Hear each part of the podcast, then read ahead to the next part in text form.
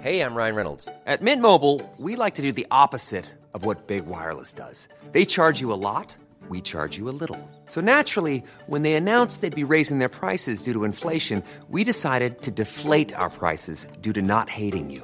That's right. We're cutting the price of Mint Unlimited from $30 a month to just $15 a month. Give it a try at mintmobile.com slash switch. $45 upfront for three months plus taxes and fees. Promo rate for new customers for limited time. Unlimited more than 40 gigabytes per month. Slows. Full terms at mintmobile.com.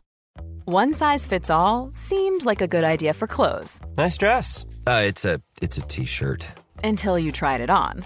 Same goes for your healthcare.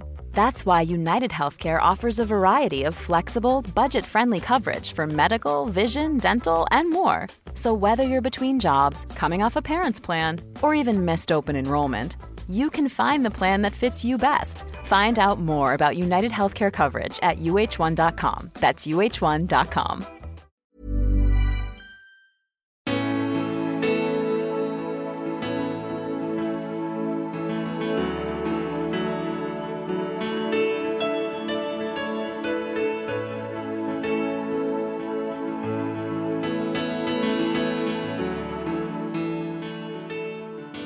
Får fråga liksom, "Jaha, jobbar du på Volvo? Det är något fel på min bil? Jaha, säger du det, säger du det liksom. Och bara det är höger dörrpanel fram så fixar jag det. Jag skulle önska mig ett mer eh, sansat debattläge. Men du ser ju själv hur det ser ut. Alltså, budgeten presenteras, man vet precis vad alla ska säga. Det är skit, säger den och sen så kommer, först kommer Moderaterna, så kommer KD och så kommer SD och så ja det är alltid skit. Det kan vara Knutbypastorn som säger ja, vi företräder alla kristna i hela Sverige. Det gör de inte. Det vet ju du och jag. Men när det kommer till andra organisationer så har Sara Mohammed rätt. Då har vi sagt att ja visst, absolut, vi tror på er. Jag ska inte vara så godtrogen. Tänkte, fan. Jag satt på en del i Håga, så kör Renovas bil förbi, så är det sån här reklam. Sök sommarjobb hos oss. Renova. Fan, jag har C-kort. Jag ringer Renova. Tycker du att partiledardebatter på TV är något av det mest meningslösa man kan titta på? Ja, då, då har du en kompis i socialdemokraten Ann-Sofie Soffan Hermansson. När hon var 19 så började hon som truckförare på Volvo. Efter 10 år bestämde hon sig för att läsa sociologi på universitetet, vilket blev en kulturkrock av stora mått. Men tre års studier ledde rakt in i regeringskansliet under Mona Sahlin och sen vidare till högsta toppen i Göteborgspolitiken. Socialdemokraterna i Göteborg ville att hon skulle lämna ordförandeposten i kommunstyrelsen genom bakdörren. Men det var inget som passade en ärlig och prestigelös politiker som Soffan. Hon stod rakryggad för sina åsikter och tog en öppen fight. Så, nu kör hon baklastad sopbil och trivs alldeles förträffligt med det. Vi pratar också om att lyfta fram sina arbetskamrater, Marx alienationsteori, det konstiga med akademisk kvart, att luncha med göteborgarna, klankultur, Hinseberg och att inte få hålla med SD i sak.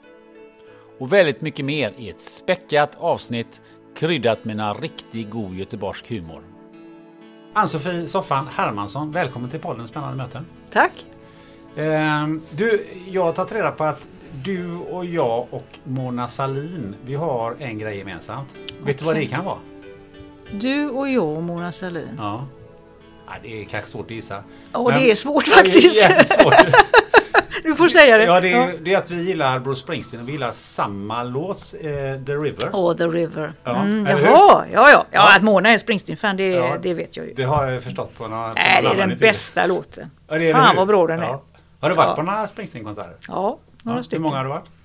Jo du, ett par, tre stycken kanske eller någonting sånt där. Okej. Ja, Ja, några, några fler, jag är inte så liksom nördig liksom, va? men han är ju, Ja. det är mycket för pengarna. Ja, det... Han är, fan vad grym han är. Ja. Nej, riktigt bra. Ja, får man verkligen säga. Du, vi ska inte snacka så mycket Springsteen. Nej, vi ska okej. snacka en massa andra saker. Ehm, du, hur... Jag lurar lite på hur titulerar man dig? Är du, är du liksom sopbilsåkare, lite ren... ja, Vad heter det? Ja, Renhållningsarbetare? renhållningsarbetare säger man idag höll jag på att säga. Men eh, ja, jag vet inte vad, hur man gör annars. Jag vet inte vad man säger. Förut sa man sopgubbe men... Ja, och så skulle säkert många här säga också. Liksom. Men Ja. om, jag, om man ska fråga någon, det var faktiskt någon av kollegorna här liksom, som sa hur ska jag säga, hur ska jag presentera mig liksom, när jag jobbar här? Liksom? Eh, ja, så då tycker jag nog renhållningsarbetare är ett bra begrepp. Alltså ett modernt begrepp liksom. Men det är många som med stolthet kallar sig för sop, sopåkare, Ja. sopgubbar. Ja. Ja, det det, det tror jag inte är något problem Nej. egentligen. Men jag tycker det är rätt så intressant med det här med, med sopor faktiskt. För att eh, det är ju egentligen det är bara vi människor som hanterar sopor. Om man tänker på naturen, där, där finns det ju inga sopor. Det är ju bara resurser. Ja. Hur ser du på det här med sopor? Är det sopor eller, är det, eller pratar man om resurser som man kan göra någonting utav? Ja, alltså det höll jag på att säga hela liksom Renovas och överhuvudtaget eh, den här sortens hantering av, eller modern hantering av såväl hushållsavfall som, som eh, kompost eller allting. Det är ju att vi sorterar som vi gör handlar ju om att vi återvinner. Nu är inte jag någon expert egentligen liksom, va? men jag menar själv kör jag en tvåfacksbil. Det är jättenoga att man separerar du vet, liksom, i olika fraktioner på bilen så att det liksom rätt sopor hamnar i rätt ställe och sen tippar man då i, på rätt ställe. Om man kör in till exempel i Högsbo liksom, så kör jag, väger in, tippar min kompost, kör ut igen så att jag har, har vägningen så att säga korrekt, kör in igen, väger in, tippar hushållsavfallet alltså på, något, på ett annat ställe. Det är jätteviktigt så att ja, saker och ting kommer till rätt ställe. Det blir ju energi eller så blir det fjärrvärme eller så blir det, det ja, jag kan inte liksom, men det är ju noga liksom att det, det är ju, höll jag på att säga, det, det, försvinner ju bara inte liksom. Idag är det ju liksom sånt där som vi tar tillvara och ska jag säga, effektiviserar på ett annat sätt. Liksom. Så är det ju. För jag menar du och jag är ju, eh, är ju uppvuxna på det här med soptipp. Alltså när vi Ja, var små ja, så, ja, ja. Så, så slängde man grejer på soptippen och det var verkligen soptipp. Man bara slängde allting på en Och i en hög. eldade upp saker på 70-talet. Det gjorde vi på hemma när man hade påskeld och sånt. Slängde Ja, det är väl preskriberat vid det här, för så 70-talet är ganska länge sedan. Fan, Forsans gamla lastbilsdäck och grejer rök ju på. Det var ju helt sinnessjukt och dumt att slänga det. Kan inte elda sådana, det skulle vi aldrig göra idag. Men du har rätt i det. Vi såg, jag såg en film häromdagen, en sån här gammal reklamfilm, den var från 1964. Hur man, skulle, hur man skulle slänga ölburkar så att de skulle sjunka i havet. Just man det. skulle göra ett hål i dem, du vet. Så jättebra Ja. sa de i reklamfilmen. Man bara, herre Jesus, ja det, det är andra tider. Ja, ja verkligen. Och de var helt seriösa, de tyckte det var en bra idé. Man liksom, nu tänker man, men herregud, och det är klart att det ligger ju. Det är mycket av det som fortfarande ligger kvar naturligtvis. Ja, men tittar man på Brudarmossens eh, skidbacke. det är ju- det är ju ett alltså. sopberg. Det är ett sopberg. Det är inte så många som tror jag i den yngre generationen som, som vet om det. Nej, men faktum är att det är det. Men finns det soptippar i den bemärkelsen kvar här runt Göteborg? För någonstans måste det bli någon sorts restprodukt utav det man... Nej men eld- soptippar har väl inte, eller jag menar vi tar ju till våra, eller det som inte, alltså det som inte är brännbart det måste ju hanteras. Jag menar vi har slam, vi har farligt avfall, allting hanteras ju. Det är jätteviktigt liksom, speciellt den sortens sopor om man säger så, som inte går i det brännbara eller i komposten. Det är klart att det är extra, där har vi ju särskilda bilar som kör och hämtar och grejer liksom. Så att nej nej. Nej, alltså så ser det inte ut längre liksom. Brudamossen är väl, och det, jag kan inte det här tillräckligt bra men det handlar väl om att man kanske inte vill gräva i sånt gammalt att det bara Det är nog bra att inte göra det. Jag. Nej, och sen, men sen så är det väl också så att man på något sätt har åtgärder med sån här lakvatten. Alltså, alltså att, man, att man försöker se till att det inte rinner ut eh, och sånt där. Men du pratar inte, alltså jag har inte örnkoll på det viset. Det är inte riktigt samma sak som att hämta dem. Hur, när du är ute, ute och åker så här, eh, hur upplever du, hur duktiga är vi på att sortera våra sopor? Alltså det är klart att ibland så märker man ju när man tömmer att det här, här har det hamnat både det ena och det andra liksom. Eh, Men folk är generellt skulle jag säga, i alla fall göteborgarna där jag är och hämtar, de är ändå ganska angelägna om att vilja göra rätt. Eh, Att, att försöka lägga liksom rätt saker i rätt fack och så. Men visst, alla är ju inte riktigt lika noga, det, det ska gudarna veta. Kan, kan hamna olika saker i olika fack och så. Men kollar ni sådär in i tunneln, vad, vad är det för grejer i innan man eh, Alltså det går ju inte att det? hålla på med det. En gång, en av de tråkigaste grejerna, har inte riktigt med det här att göra, det var när jag tömde en Eh, alltså tvåfack är ju så här så att man separerar, det, alltså, du slänger både komposten och hushållsavfallet i samma kärl fast det är avdelat i mitten. Då. Aha. Så sen så när jag tömmer den så separerar bilen i två olika fraktioner så att jag kan tippa det på olika ställen sen. Och sen när jag väl tittar upp och ser vad som har hamnat i sop, hushållsavfallet så ligger det Viktor Rydbergs samlade jättefina gamla böcker där. Det är för sent att ta vara på dem när de ligger i soporna. Men jag tyckte nästan nej, varför slänger ni de böckerna? Det var, det var tråkigt. Ja, det var tråkigt. hade jag sett dem innan så hade jag kanske försökt att spara dem. Liksom. Men åker man till tippen i, i Lerum eller var som helst så, Mm. så inser man ju att eh, det åker rätt mycket ganska fina grejer Ja. bara rätt ner Ja, i en så är det nog. container. Och det ibland har jag till och med själv gjort så man tänker Mm, bra böckers lexikon har faktiskt åkt. Eh, alltså det är sånt, det är ingen som vill ha det. Det är Nej. lika bra att elda upp det. Nej. Nej, men så är Men det är En- lite tråkigt alltså. Böcker är, ja, det är svårt alltså. Ja, Men eh, alltså, det brukar ändå gå att kunna lämna till typ Stadsmissionen och sånt. De har ändå tagit emot när jag har flyttat någon gång och liksom gjort någon sorts rens. Så har de faktiskt tagit alla möjliga sådana här böcker som ingen normal människa tycker man borde vara intresserad av. Men de har tagit emot dem och det är möjligt att de slänger dem sen. Men eh, där har det funkat i alla fall. Du, om du reflekterar kring ditt arbete eh, så här långt. Vad, vad, vad är du mest eh, överraskad av? Nej, alltså jag vet inte riktigt om jag, hur, hur mycket jag tänkte runt... eh, Jag visste ju att det skulle vara kroppsarbete och som, som alla kroppsarbete är tungt. Så det var ingen överraskning liksom. Det, man är lite mör i kroppen liksom. Det är det man är efter jobbet. Var du extra mör när du eh, de första veckorna? Ja, det är klart. Då är det ju liksom... Man är inte 20 längre heller. Det är så. Men det, det är inte, det är ju inte, jag menar ju bilen ska göra jobbet. Man ska ju inte precis, eh, men det är så man drar ju kärl och man liksom håller på och grejer liksom. Det är inte, det är kroppsarbete. Så det, men det var, jag ju, det var jag ju beredd på. Så jag kan inte säga att jag blev överraskad av det. Jag har blivit väldigt väl mottagen. Man kan ju tycka att det är liksom lite så här konstigt att få en arbetskamrat som typ har varit eh, kommunalråd i stan liksom. Men det har varit det är ju nästan den bästa grejen med jobbet här. Det är, så är det med många jobb, men det är arbetskamraterna. Roliga, roliga människor och snälla, generösa. Du berättar ju en hel del om dem på Twitter. Ja, Det ja men det, det börjar lite mer som en sån här spontan grej. För jag körde med, jag tror det var Frank jag körde med liksom och då Eh, ja, så tänkte jag fan. Och så berättade han att han hade sprungit Göteborgsvarvet på under två timmar. Fan grymt tänkte jag. Jag tar en bild på det. Så såg jag så cool ut med sin mössa i hytten där i bilen. Så, så skrev jag en kortis. Och sen blev det lite det gick utav bara farten. Nu vet man åker ju alltid med lite olika personer och man träffar nya och man bara kul, det här är en rolig story. Liksom. Den kan man skriva. Det behöver inte vara så avancerat. Det är ju det som är grejen med de här kortisarna. Det är ju inte Ja, seriöst är det ju för det är ju renhållningsarbetare med, som, som är som folk är mest naturligtvis. Intresserade av väldigt olika saker. Liksom. Ehm, så det, nej jag, jag tycker nog att det är ganska roligt. Vi har lite, det är lite det är lite synd att det inte är mer av alltså, vad ska jag säga, de samhällsbärande yrkena. Alltså att de är så att säga porträtterade på ett eller annat sätt. Vi hade ju det mer förr. Alltså arbetaryrkenas, alltså så att de faktiskt fanns en sorts beskrivning av dem liksom i någon sorts allmänna media. Men det har liksom kommit lite i skymundan. Det är mycket alltså andra sorters yrken helt enkelt som är i fokus. Liksom. Så att jag tycker det är lite kul. Jaha. Men det är, det är väldigt intressant för det, det är ju de eh, inläggen som är mest gillade. Ja. När, du, när du lyfter fram dina arbetskamrater. Ja, men det, det säger någonting kanske också om hur, hur lite vi gör det i Sverige idag.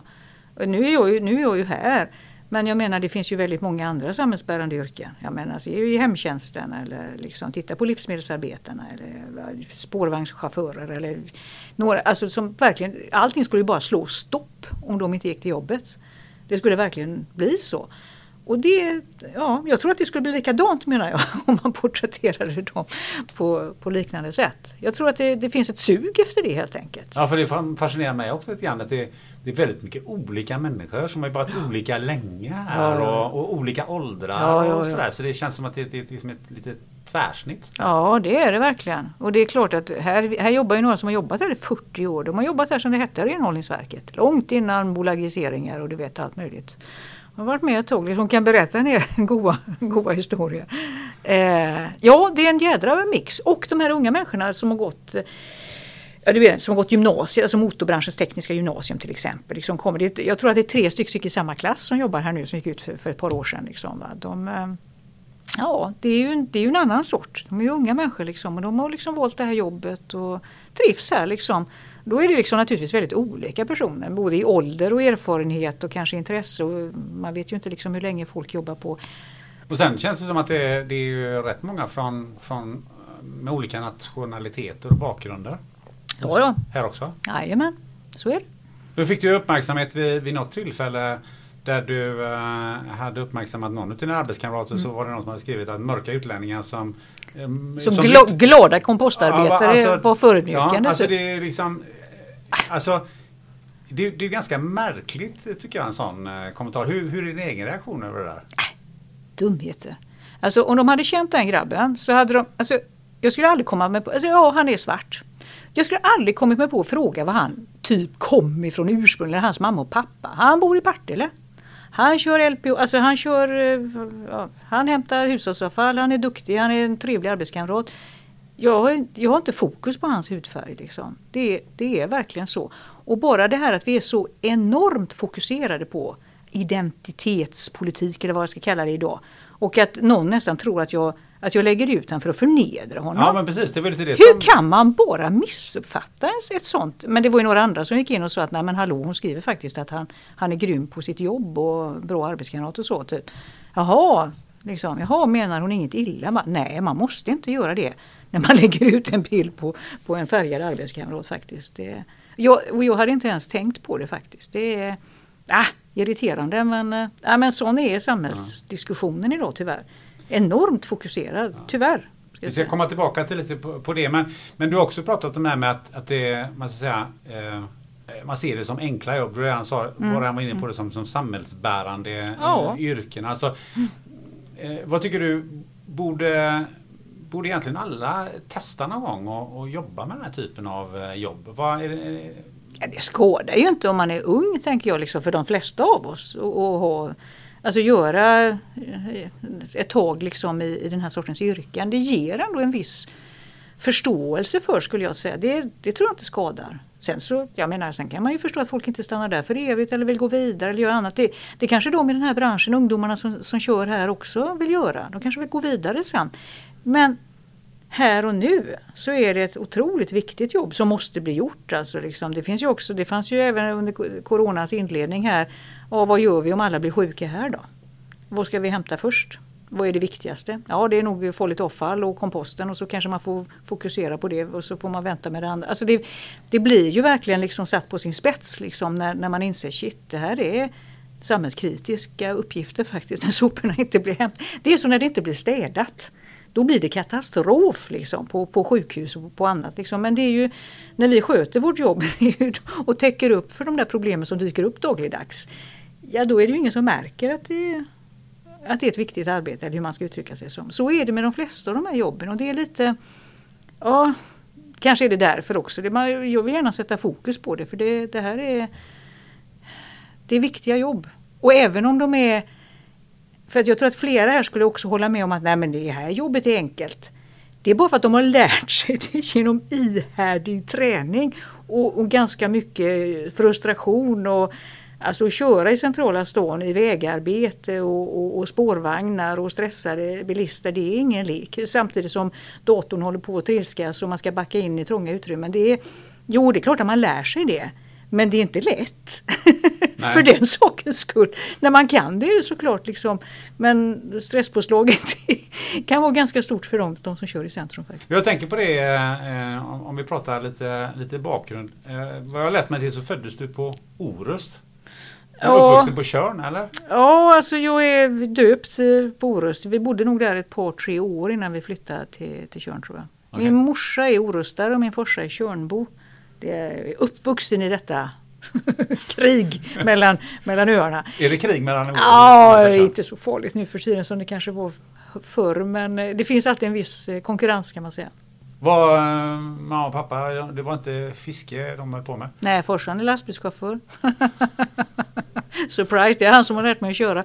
Morsan jobbar i hemtjänsten. Vad, vad, hur, hur skulle du liksom vilja beskriva en- uppväxten på, på Tjörn? Ja, det var väl alltså, jag menar det spelar ju nästan ingen roll var man växer upp om man inte har bra föräldrar och jag har haft bra föräldrar liksom så att det, då blir man ju trygg och man vet att man är Vad är bra föräldrar? Du beskriva bra Ja det är sådana som eh, älskar en hur man än eh, typ är antar jag. Eller man vet det. Att även om man liksom kanske, ja man gör så gott man kan och så misslyckas man ibland och så vet man att men det är ändå mamma, morsan och farsan tycker om mig ändå. Det tror jag är grundläggande och det är inte alla barn som har det så. Nej, verkligen Det är inte. faktiskt så. så att jag skulle säga att det det är nästan det viktigaste du kan ha som barn. Att din mamma och pappa går att lita på.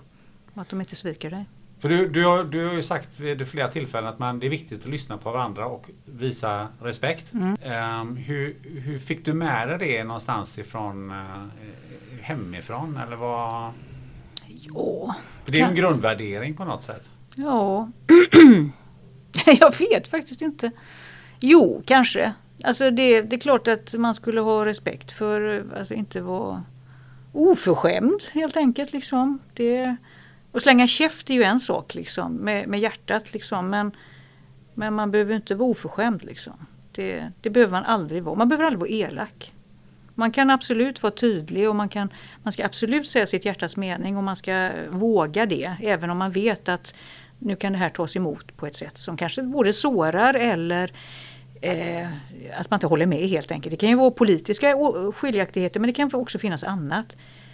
Men, men det är inte samma sak som att man vill bli arrogant eller, eller, eller elak. Det, det, är, det är för mycket av det i dagens debatt tycker jag. Det är onödigt. Fanns det gott om utrymme att säga sitt hjärtas mening hemma? Ja, det tycker jag nog. Fan, jag har ju rökt ihop med mina föräldrar som alla andra normala, höll på att säga barn, men eh, nej, det, det fanns utrymme. Absolut. Var, det mycket politik runt matbordet? In, inte direkt. Jag menar eh, min pappa är folkpartist. Eller ja, jag tror i alla fall att han är det fortfarande. Men, men eller liberal heter det nu för tiden. Men, var han aktiv inom politiken? Nej, inte så. Ja, kanske hade han några uppdrag. Men det, jag vet inte om de var så partipolitiska. Liksom, va? Men han, var, han har alltid varit en tydlig liberal. Han har varit en tydlig folkpartist i den meningen. Liksom, tydlig i sin ideologi. jag blev inte sosse förrän jag började på Volvo. Alltså, det var, det, jag han heller inte börjat rösta förrän jag hade jobbat några år. För jag fyller i oktober, du vet jag missade precis något val så att jag hann att jobba några år och, innan jag var förstagångsväljare. Och då hade jag varit i arbetslivet så pass länge så då blev det Socialdemokraterna för mig. Det har liksom aldrig blivit någonting annat efter det. Men var du i skolan? Ja, ganska medelmåttig tror jag och ja, mainstream. Jag var det några ämnen som du tyckte att det här är roligare än något annat? Ja, svenska är roligt. Det tyckte jag, jag alltid tyckt det var roligt med typ språket och läsa och sånt. Jag alltid tyckt det var roligt. Skriva, också roligt. Det är, nog, det, det är nog det jag tyckte var roligast faktiskt. Så länge man pluggar. Sen började jag plugga igen, du vet efter tio år i arbetslivet. Så gick jag till universitet och då läste jag sociologi och annat. Det är ju också fantastiskt roligt. Det är jätteroligt att plugga när man har jobbat några år. Man är ju så motiverad då liksom, jämfört med när man är ung. Liksom. I alla fall jag. Man får också mm. lite mer um, lättare att reflektera över ja. det som man uh, lär sig kan jag tänka mig. Ja absolut. Jag kommer ihåg att jag efter första, du vet, jag gick direkt ifrån tvåskiftet på Torslandaverken in på grundkursen i sociologi. Det var en kulturkrock utav Guds nåde.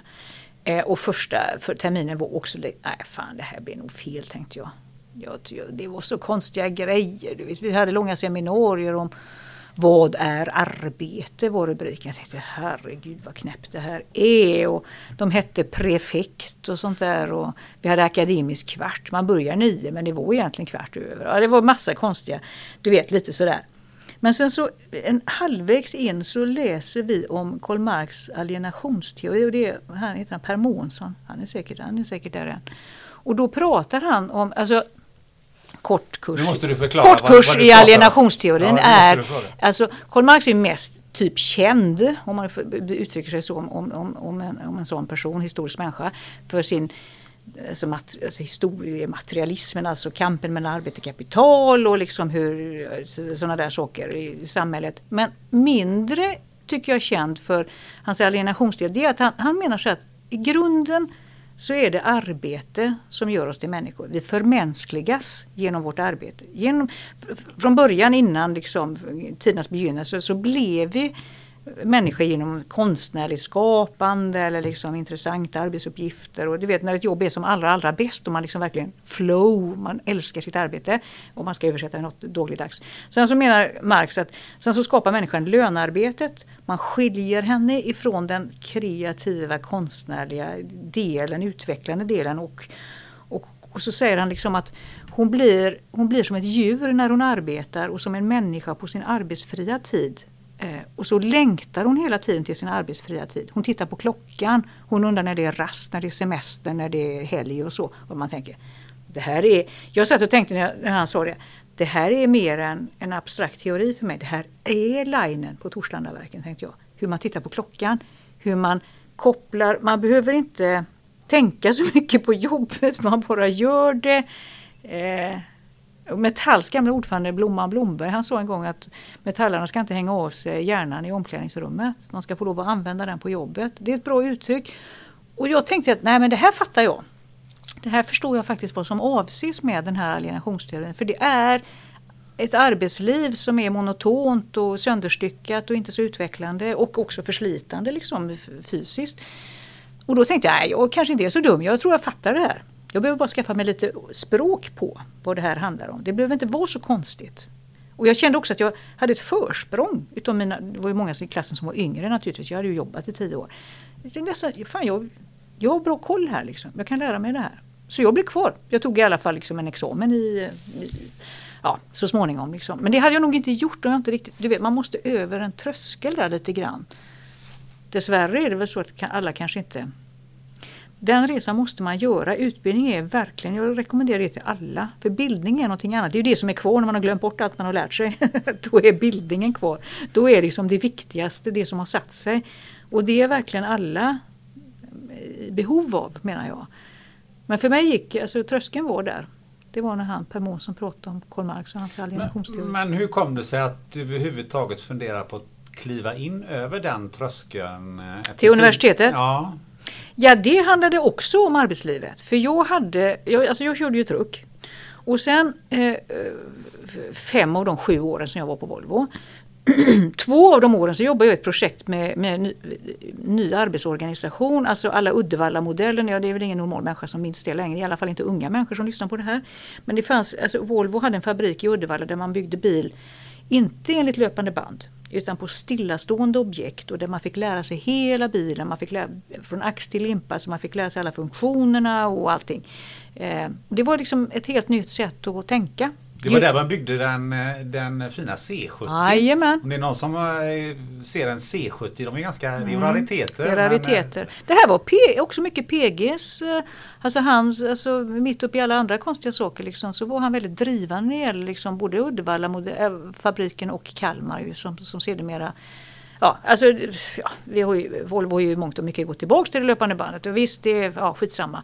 Ehm, men jo, vi hade under två års tid hade vi ett projekt på Torslandaverken som hette Ny montering Torslanda. Vi var ett 30-tal metallare som jobbade där i för att göra, bygga precis på det sättet. Stillastående objekt, alltså man kunde tilta karossen och liksom stå still och jobba, bygga hela funktioner. Inte som du vet på banan, man gör sin bit och sen så är det nästa person som gör resten. Man, ja. Och de två åren präglade oss på ett sätt som Alltså det, om det är någonting som präglat mig och mitt politiska engagemang så är det de två åren med den utvecklade arbetsorganisationen. Man, man, alltså det är någonting kollektivt i detta. Liksom. Man rätar på ryggen och inser fasen jag ska också bli en, en fullvärdig yrkesarbetare. Man, man får en helt annan självbild eller vad man ska säga. Eh, och så när de där två åren var till, alltså jag, alltså jag kommer ihåg vid något tillfälle vi hade, jag hade ju kört, bara kört truck innan eh, och de andra hade ju sin smala expertis. Någon hade kört paneler och fack i bilen, någon hade byggt drivlina, någon hade gjort någonting annat. Liksom. Så skulle vi då lära varandra och så skulle man ja, träna sig. Och jag fick börja med att stå och bygga dörr. Eh, det var ju kul. Det var jätteroligt att lära sig skruva, jag har inte höll på med innan. Och så det var någon som var duktig på det som lärde mig det. Och det blev jag hygglig på ska jag säga. Truck var inte så svårt för det hade jag kört i fem år. Det kan man nästan göra med bakbundna ögon. Liksom när man bara gör samma, samma, samma. Man lär sig jobbet på 14 dagar och så gör man samma hela tiden. Då sätter det sig. Eh, men sen så skulle jag lägga drivlina, alltså du vet kraftöverföring mellan motor och däck ja, typ eller vad man ska säga, eller hjul. Och då blir jag aldrig riktigt sådär haj på det. Och så vid något tillfälle så är det något, för de andra skulle också lära sig att köra truck då. Så vid något tillfälle så kommer det in en, en lastbil på eller långtradare som skulle, behövde lossas. Eh, och jag stod och höll på och byggde dörr och så och så kom kamraten in och bara Soffan för fan kan inte du gå ut och lossa? Vi är inte så snabba med trucken. Alltså liksom så här, för de är oftast, ja, sådana är vi lastbilschaufförer, vi är stressade. vi vill att det ska gå fort. Vi vill inte hålla på och mesa där med någon jävla seg truckkörning. Liksom. Så, och jag kommer ihåg vid något tillfälle jag såg det. Nej, nej, nej, nej, jag ska lära mig det här och ni ska lära er det där och jag håller på med dörrar. Men gissa den dagen jag slog och byggde drivlina som jag aldrig blev så haj på. Jag bara gled upp i trucken. Ut, lossa, kände mig duktig, kunde hjälpa till och liksom det flyter på. Alltså det är så man, när man säger att vissa människor inte vill ha utveckling eller de är emot eller de är konservativa. Så ja, sådana är vi lite till mans. Men man, för att våga utvecklas så måste man ha små öar av trygghet där man känner sig bra och duktig. Eh, då vågar man ta ut svängarna i de andra avseendena. Men det får inte bara vara en ständig utmaning, då blir man ju galen. Liksom. Så jag kommer ihåg att man, jag lärde mig mycket av hur, hur, vi är som människor. Jag tror att de flesta är både konservativa och utvecklingsbenägna. Men man behöver en lagom dos av bägge delarna för att våga ta språnget. Kan det vara så att eh, en del människor behöver, behöver lite större öar av trygghet och andra behöver mindre öar av Jo, eller trygghet? kanske av, och, och, av olika saker i livet också. En del liksom är ju fena på allt möjligt. Liksom, va? Och sen så tycker de att andra saker är jättesvåra. Så man är, som en annan tänker, men vad är det för svårt med det? Alltså det är ju, vi, vi är olika men jag tycker, vi är inte olika i grunden. Vi har de där stråken inom oss liksom, och det måste man ha respekt för när man, när man organiserar ett arbete. Och när man liksom... Men hur påverkade det ditt val utav att... eh, De två åren förändrade mig. Sen låg ju Volvo ner det för att sen kom ju 90-talskrisen. Vet du. Det här var 88 till 90. Sen kom 90-talskrisen och då sålde vi inga bilar och det var permitteringar och det var allt möjligt. Och då kunde ju inte Volvo ha någon liten experimentverkstad där på Torslanda liksom, när, alla, när folk behövde sägas upp. Ja, du vet, så det, jag, jag förstår det. Jag har respekt för det. Så jag gick bara tillbaks, jag hade ju, jag hade ju anställning. Jag gick tillbaks till min gamla förman så kan jag fortsätta köra truckarna. Ja, ja för fan sa han. Inga problem. Och så tänkte jag i min stilla sinne, om det är något jag kan så är det köra truck, inga problem. Och, och dessutom, delar av tiden i det här utvecklingsprojektet, det var ju rätt ansträngande. Herregud, vi rök ihop om allt möjligt. Om allt från om man skulle få röka eller inte i lagområdet till vilken ordning vi skulle bygga drivlina. Och det var allt möjligt. Så jag tänkte, det där, alltså ett, ett större ansvar innebär ju också att man måste ta det. Har man bara sin smala kunskap som man bara ska göra det där jobbet som man är satt, det är ju enkelt på sätt och vis. Så jag tänkte, det, ja men nu blir det enkelt igen. Jag går tillbaka och kör truck, inga problem. Men då upptäckte jag att jag inte stod ut med det längre. Då hade jag blivit förändrad av det där utvecklade arbetsinnehållet. Jag tänkte, ja men jag dör. Det är för tråkigt. Jag tänkte att det här, jag, jag kan ju, nej jag, vad fan ska jag göra nu, tänkte jag. Jag söker universitetet. Min gamla projektledare sa faktiskt, äh, sluta på Volvo nu soffan, sa han, Björn hette han. Sök, gör vad som helst. Sök till universitetet. Och jag bara, äh, nej, vad fan ska jag göra det för? Vad ska det vara bra för? Men så efter ett tag så tänkte jag, nej, jag, jag får nog göra det. Jag kunde ha gjort någonting annat också, jag kunde sökt ett annat jobb eller så. Men nu blev det grundkursen i sociologi av olika skäl. Och det handlar om de där två åren av utvecklade Men arbetsorganisationer. sociologi, det kan du lika gärna ha blivit... Eh, du kan lika gärna studera på Handels eller ekonomi. Ja, eller, nu hörde du till saken att jag gick konsumtionslinjen på gymnasiet. Eftersom jag var så jädra skoltrött som alla andra normala människor är när man gått ut nian så gick jag en tvåårig praktisk linje. Vi snackar 80-tal här. Så jag var inte behörig. Du vet, man är inte behörig. Man har inte läst alla möjliga olika teoretiska ämnen. Så att jag kunde inte de, jag, jag tänkte, åh jag borde läsa det här programmet, vad det nu hette. Ja, det var förträngt. Skitsamma. Jag var inte behörig. Jag hade inte de eh, gymnasie... Och framförallt hade jag inget treårigt gymnasium. Så jag läste enstaka kurser. Och så här i efterhand är jag rätt glad för det. Jag fick läsa mycket på lust. Så jag satte ihop mina 120 poäng och så blev det en fil. kand. Liksom. Och så fick jag, ja, jag skrev C-uppsatsen i sociologi och så, ja. Ja, nej det... Men någonstans så blev det ett språng till... Vad då? Vad hände när du hade gått ur de här tre åren? Inte gick du tillbaka och körde truck? Eller? Nej, nej, nej. då? Nej, det gjorde jag inte. För att eh, när jag gick och läste sista terminen så ringde Mona Sahlin och frågade om jag ville börja jobba hos henne på regeringskansliet. Bara sådär liksom? Nej, jag hade varit politiskt aktiv då ett tag. Och varit på partikongress, eh, träffat folk och bla bla bla. Det här var efter valet 94 va? Ja. Och då sa jag till henne att åh fan, ja det vill jag jättegärna men jag måste läsa klart först. Jag gör det, sa hon. Så då gjorde jag det. Så det var bara några månader tills den där. Och sen flyttade jag till Stockholm och tog, tog chansen då. Liksom. Så jag jobbade på regeringskansliet något år. Sen jobbade jag, den större delen av tiden så jobbade jag på LO när jag bodde i Stockholm. På landsorganisationen på LO-borgen. Med allt ifrån jämställdhet, eh, arbetsorganisation till, till de sista åren hos eh, på arbetsutskottets kansli som det hette då, alltså LOs ledning. Liksom. Sen ringde Göran Johansson, så då åkte jag hem igen. Började jobba åt han.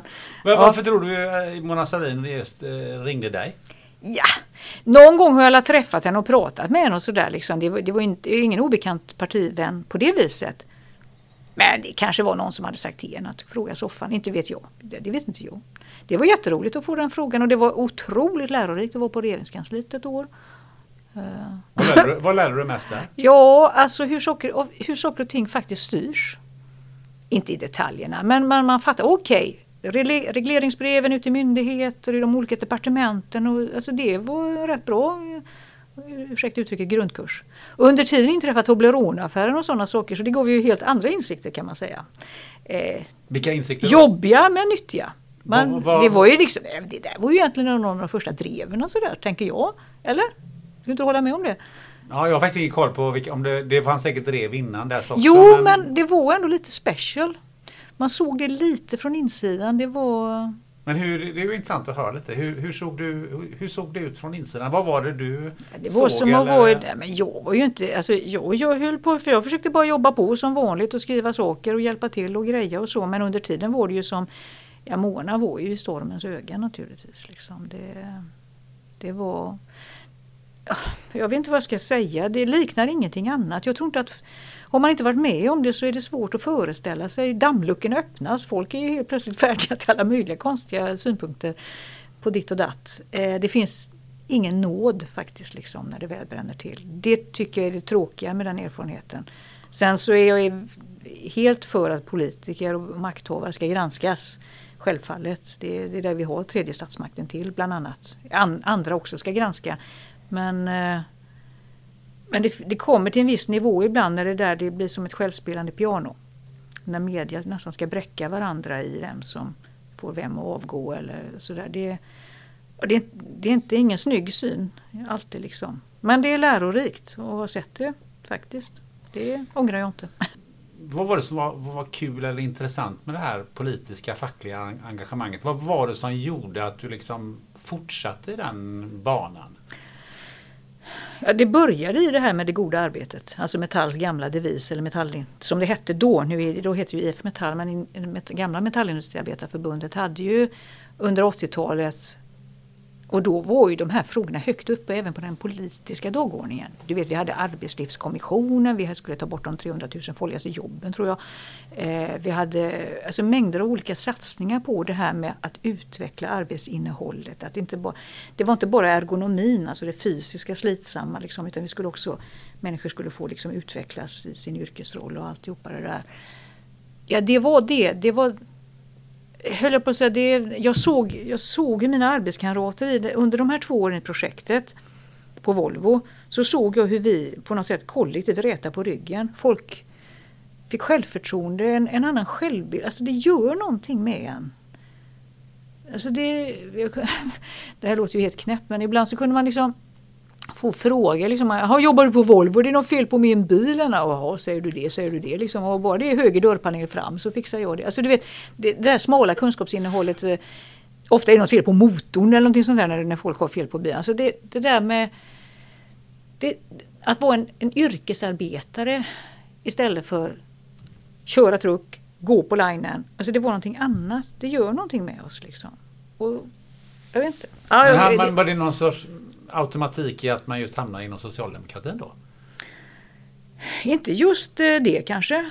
Sen, jag, menar, jag menar man har ju sina värderingar. Liksom. Jag, jag, jag tycker att den samhällsmodellen, liksom, att, att arbeta för ett jämlikt samhälle där man ser till att sluta klyftorna så gott det går är bra. Anständigt rent människosynsmässigt men det är också jävligt effektivt som samhällssystem betraktat. När man blir äldre så tänker man så också.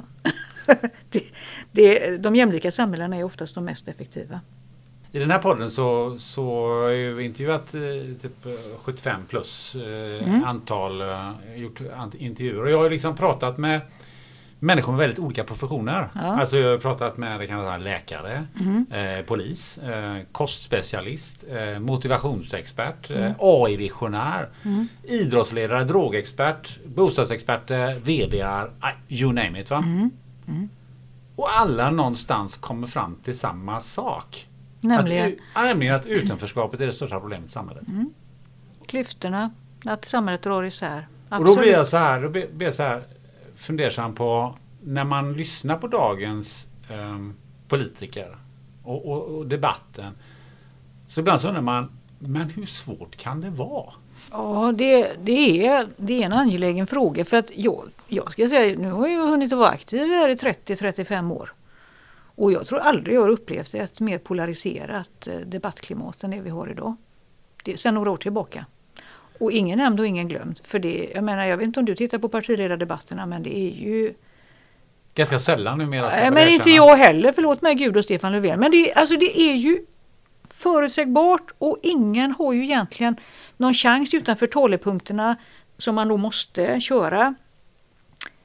Man, alltså den här intellektuella hederligheten i, i, en, i ett reflekterande samtal, att, att verkligen lyssna till det bästa i motståndarens argument. Även om jag vet att vi har olika, kanske politisk färg eller andra åsikter, att ändå hitta, okej men det där, där har jag något som jag kan lära mig någonting av eller som jag kan ta till mig av eller som kan bygga något gemensamt på. Alltså en pragmatisk, alltså en social ingenjörskonst som ändå är pragmatisk. Den är rätt eh, obefintlig idag. Och det tror jag är ett demokratiskt problem. Jag skulle önska mig ett mer eh, sansat debattläge. Men du ser ju själv hur det ser ut. Alltså, budgeten presenteras, man vet precis vad alla ska säga. Det är skit, säger den och sen så kommer, först kommer Moderaterna, så kommer KD och så kommer SD och så har det är alltid skit. Och vi står och säger det här är en fantastisk sossebudget och sen så kommer Miljöpartiet och, och, ja, och säger också att det är en game changer eller någonting sånt där. Alltså man, man kör sina, och så möts vi aldrig i det. Det är som du säger, och de här andra sakerna som är så angelägna att vi egentligen skulle behöva komma överens om. Förr kunde vi komma överens om du vet, försvaret och energin, alltså sådana saker som måste vara långa, långsiktiga. Men det är som att vi inte klarar att komma överens om någonting längre. Det är väldigt polariserat och jag tycker det är riktigt problematiskt faktiskt. Eh, och som sagt vi är inte heller sossarna är inte bättre än någon annan. Liksom. Så, och jag tror att det är svårt att... Och för, det är som ett populistiskt landskap eller vad man ska säga. Och det är ju inte så lätt för någon att ställa sig utanför och säga nej nu vill jag ha ett reflekterande samtal. Stefan Löfven kan ju inte gå in i en partiledardebatt och säga nej nu vill jag inte vara med på det här skitkastandet i den här debatten utan nu vill jag att vi för ett reflekterande samtal. Hej då skulle folk säga då. Det, det går inte, man måste spela spelet när det, när det spelas så att säga.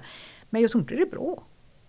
Men, eh, Jag tror inte det åstadkommer lösningar framförallt. Och det är precis de här viktiga samhällslösningar som vi, som vi är ute efter. De långsiktiga framförallt. Tittar du i Göteborg till exempel så ser du Gårdsten som ju har klarat att gå ifrån vad fasen är det nu polisen säger? Särskilt utsatt område till ett, bara till ett utsatt område. Vi snackar om 20 års gediget, hängivet arbete från Gårdstensbostäder, från näringslivet där uppe, från ideella organisationer, från alla möjliga olika jobba, jobba, jobba, jobba. Men så lång tid tar det. För att man delvis ska liksom få ordning på, på saker och ting. Eh, och ja, Vissa saker måste man nog göra på kortare puckar just nu. Liksom. Vi måste hindra företrädesvis unga män att sugas upp i kriminella gäng. Så är det. Eh, på, mer kort, på, alltså, snabbt om man säger så. Men de långsiktiga lösningarna måste fortsatt. Egentligen skulle vi behöva fokusera på dem. Och vi skulle behöva ta i hand nästan på det. Som en sorts samhällskontrakt alltså, mellan politiska partier. Men jag, jag förstår inte hur det ska gå till just nu faktiskt. Det, Men För, för man får det intrycket att, eh, att eh, om, eh, om sossarna säger att nu lägger vi 8 miljarder på X. Då är det alltid någon som skriker att ja, men varför har ni inte lagt 16 miljarder? Och de andra säger eh, det ska inte lägga några miljarder alls på det här. det är fel. Det liksom är, men, och hade de sagt 16 miljarder så hade de sagt att Ja, då skulle 30, ja. 32 miljarder istället. Alltså det blir liksom, det, ibland undrar man liksom eh, Ja, man kan inte säga så här bra, det var, det var bra gjort. Det var, det var precis också vad vi hade föreslagit. Mm. Eh, fast det här var inte så bra, utan vi hade nog gjort så här istället. Alltså liksom den här Mm. Nej. resonemanget kring, för det är någonstans man ska ju hitta mm, till någonstans vårt gemensamma bästa. Och det här är också, alltså, jag menar verkligen allvar med det. Alltså, det är någonting med tidens... Vid något tillfälle så kommer jag ihåg att jag argumenterade för eh, hur farligt det är med den här sortens ex, extrema uppfattningar som finns i samhället. Allt ifrån NMR till IS och liksom sådana här, såna här eh, rörelser som rör sig. Liksom. Det är farligt för vår demokrati. Ja, då råkade jag uttrycka det och sen så fick jag en massa jävla applåder på Twitter typ. Från höger och vänster och Sverigedemokrater och i en allsköns röra. Liksom. Åh, hurra, äntligen en, en rolig sosse. Även en del vänstersinnade ska jag säga också. Men du vet, då kan man få den här sortens kommentarer internt. Att är det sådana kompisar du vill ha i så fall? Förstår du? Att man, även om jag vet att jag som socialdemokrat har helt andra lösningar än en sverigedemokrat. Det säger sig självt, det tror jag de också skulle säga. Eh, så är det ju inte samma sak som att man ska inte säga någonting. Förstår du? Inte kritisera någonting, inte säga att det här är ett allvarligt samhällsproblem. Det måste vi, kunna, vi måste kunna enas om vad är det? Sen kommer vi ha olika lösningar på det. Det är ingen som tror någonting annat. Men det här att man börjar censurera sig för att man är rädd för att hamna i dåligt sällskap. Det tror jag är farligt. Faktiskt. Ja, för det blir eh, det är också en sån reflektion som jag har gjort. Det är bra att du, intressant att du mm. tar upp det. Mm. För att eh, det blir ju någon sorts beröringsskräck. Så fort man säger ja, någonting ja, sånt ja. Så, så säger man oj oj oj, är det, är det, är det Sverigedemokraterna som, mm. som du ska ha som, mm. som mm. kompisar? Mm. Um... Nej, får man säga då. Men, men jag menar, jag tycker att, att inte ta upp frågan. det blir ju helt vansinnigt till slut. Liksom. Nej, jag, till exempel, ta han Mats Löving heter han va? Ställföreträdande polis. Eh. Alltså det här var ju inte något nytt i sak att vi har eh, klantänkande, alltså systematiskt, alltså går kriminellt och liksom, alla klaner är inte kriminella men, men en del är det. Det är ingen nyhet. Det finns andra som har pratat om det länge. Och tror du att de... Brinkemo, Per Brinkemo är ett sånt. Han har skrivit fantastiska saker runt klan och stat och skillnader och liksom sådär. Försökt folkbilda ska jag säga i ärendet. Getts ut på Timbro då. Ja, då, då inträffar det här andra fenomenet. Timbro, det är en högerbastion. Och då kan man inte läsa det. Då hamnar man i dåligt sällskap på grund av det. Ibland är det så. Man måste kunna ta till sig kunskaper. Bildning är aldrig fel du hamnar inte i dålig... Du måste ha ett moraliskt självförtroende som gör att du kan stå stadigt ändå. Men bara för att man liksom inser shit det här är ett allvarligt samhällsproblem så blir du ju inte du blir ju inte någon annan politisk ideologi. Du måste ha sakförhållanden. Sen kommer du ändå ha en annan lösning beroende på vilken politisk eh, rörelse du tillhör och sådär. Liksom. Men, men den här beröringsskräcken är, jag tror den är, nej det är dåligt. Det har varit ett sätt att bygga Sverigedemokraterna nästan.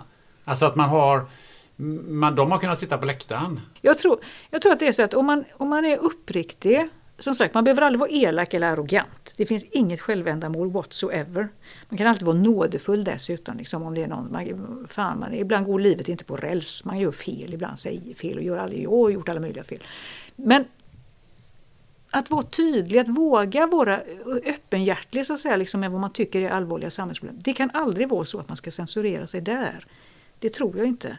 Jag, för då, då, blir det, då, då hamnar demokratin i fara. Så att säga. Det anledningen till att vi har byggt upp rättsstaten med vår yttrandefrihet och demonstrationsfrihet, det handlar ju om detta.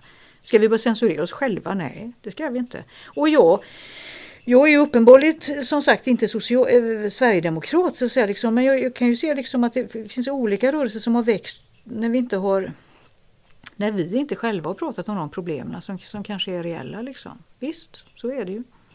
Men, Men det mycket... slaget är ju inte kört om man säger så. Jag tror fortfarande liksom att arbetarrörelsen, ja, men det är ändå min hemmaplan. Ja, vi har goda, vi har goda liksom möjligheter att, att ta den här diskussionen, titta på Vi har gjort det förr. Vi har klarat det alldeles utmärkt. Men, men eh, då måste vi också liksom ha lite självförtroende och våga tro att det här med jämlikhetstanken den bär. Den, det är ingen fara liksom. Vi, vi, vi hamnar inte i dåligt sällskap även om vi pratar om problem. Men vi, vi, vi var inne på det här med media alldeles för en liten stund sedan. Hur, hur mycket har, spelar media roll i det här sammanhanget? Vad är hönan, vad som äger? Media är också liksom, alltså jag har stor respekt, jag har liksom alltid haft en stor respekt för medias roll. Det får man ha. Sen är man ju inte alltid så himla glad åt allt vad man skriver. Speciellt inte när man är i maktposition. Det kan man tycka att det är jävla orättvist ibland. Och det var taskigt att skriva om just det där. Och vi som gör så mycket bra. Ja, du vet sådär. Men även media såklart har ju liksom färgats eller drabbas så att säga av de här Alltså oj oj oj, ska vi skriva om det här nu? Vad bidrar vi till då? Eller hur ska vi, hur ska vi eh, be, beskriva detta? Alltså, man intar olika ståndpunkter. Jag menar helt, vad ska jag säga, fri är ju inte även media om man säger så ifrån den här sortens Ja, jag menar man, nu är, nu är det okej okay att skriva om det här. Det var bra att Hammars Löving tog bladet från munnen och, och faktiskt liksom, det var en jävla välgärning. För nu kan vi kanske prata, i början var det också några som, nej men det här är inte sant, man försökte sopa även detta under mattan.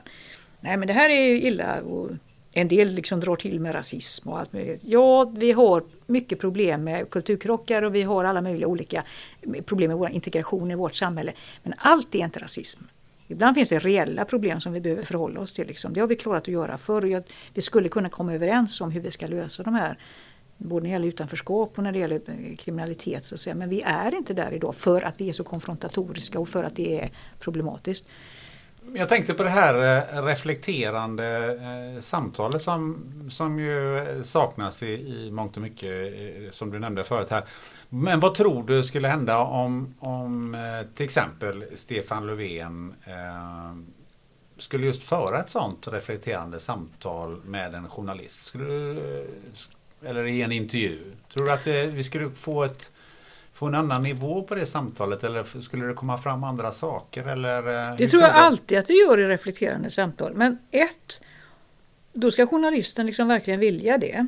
Inte vilja sätta dit eh, typ en partiledare eller en statsminister eller någonting annat på det hala. Alltså det, det måste ju finnas en, en ömsesidighet i det då. Och jag menar, den saknas ju i väldigt stor utsträckning idag skulle jag säga. Liksom. Jag menar, man, alla förhåller sig till reglerna och då, då ges inte utrymme för den här reflekterande samtalet. Nej, men alltså det, en av de roligaste grejerna som jag gjorde som kommunalråd det var att jag på fredagar inrättade någonting som vi kallar för eh, öppen lunch typ. Eh, och då var jag på en deli i Håga. Det här var bara typ 45 minuter varje fredag. Då bjöd jag in. Jag kommer att sitta där. Hallå, eh, kom dit. Om du är arg eller glad eller fråga, vill ställa frågor eller någonting sånt här. Och eh, ibland kom det tio. Ibland kom det två, ibland kom det ingen. Ibland, alltså det var väldigt olika. Väldigt ofta kommer det typ ett par stycken som är arga på Västlänken. Ja du vet, det kom folk som jobbar i kommun och hade synpunkter på, på oss som arbetsgivare och alla möjliga. Och det, det kunde komma folk som var jävligt arga inledningsvis. Och om man då eh, liksom håller andan lite och inte håller på att börja köra, börja förklara, försvara med en gång, för man kan ju känna så när man får det överöst sig så här. Utan väntar en stund. Kanske äter något eller tar en kopp kaffe och sitter där. Folk har väldigt svårt att vara arga i 45 minuter. Och efteråt så var det påfallande, speciellt Västlänken, det var ju inte någon av oss som hade övertygat varandra. Jag tycker att det är ett jävligt bra projekt och de tyckte att det var riktigt jävla dåligt. Eh, men vi hade suttit och pratat med varandra med respekt och med nyfikenhet ska jag säga. Så man kunde skiljas åt med en känsla av att man ändå hade ja, mötts. Det låter ju också existentiellt och banalt det här, men det är det inte. Jag tror att det politiska samtalet måste, behöver vara... Jag förstår att jag inte kan träffa typ alla medborgare i hela stan. Men jag kan träffa några där och sen kan man träffa några någon annanstans och sen så kan man också sprida det som ett exempel. Och jag, jag tror egentligen att vi behöver göra mer sådana saker och inte vara så snar till att avfärda. Även om det mest, det kan ju komma alla möjliga olika uppfattningar. Visst, visst fanns ju vissa som var så jävla arga så att det blev lite sådär vagt hotfullt, men det var det lilla ska jag säga. De flesta kom och hade synpunkter, vill stan väl, vill eh, det är alla möjliga grejer liksom. Kommer med förslag och synpunkter och förstår inte varför det är si och så. Ibland så kunde man ju också, ja en gång kom det en kvinna som, som var bästa kompis med, med en, en kvinna som hade, vars son hade dött på ett av våra, om det var våra eller om det var Mölndal, kommer inte ihåg, ett boende i alla fall. Heter det Kol ja, hade drunknat. En autistisk eller någonting sånt där, ett barn. Eller ett ganska ja, ungt, ung människa i alla fall. Och så kom hon och så sa hon det inledningsvis. Jag tänkte, åh herregud, det här blir, det här blir muntert, tänkte jag. Då ville hon berätta att hon hade haft sin son där och tagit honom därifrån för det kändes inte tryggt det stället. som.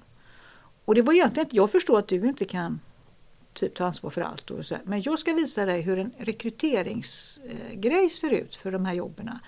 Då, tog, hade hon med sig en inplastad grej som hon hade sparat. En handskriven.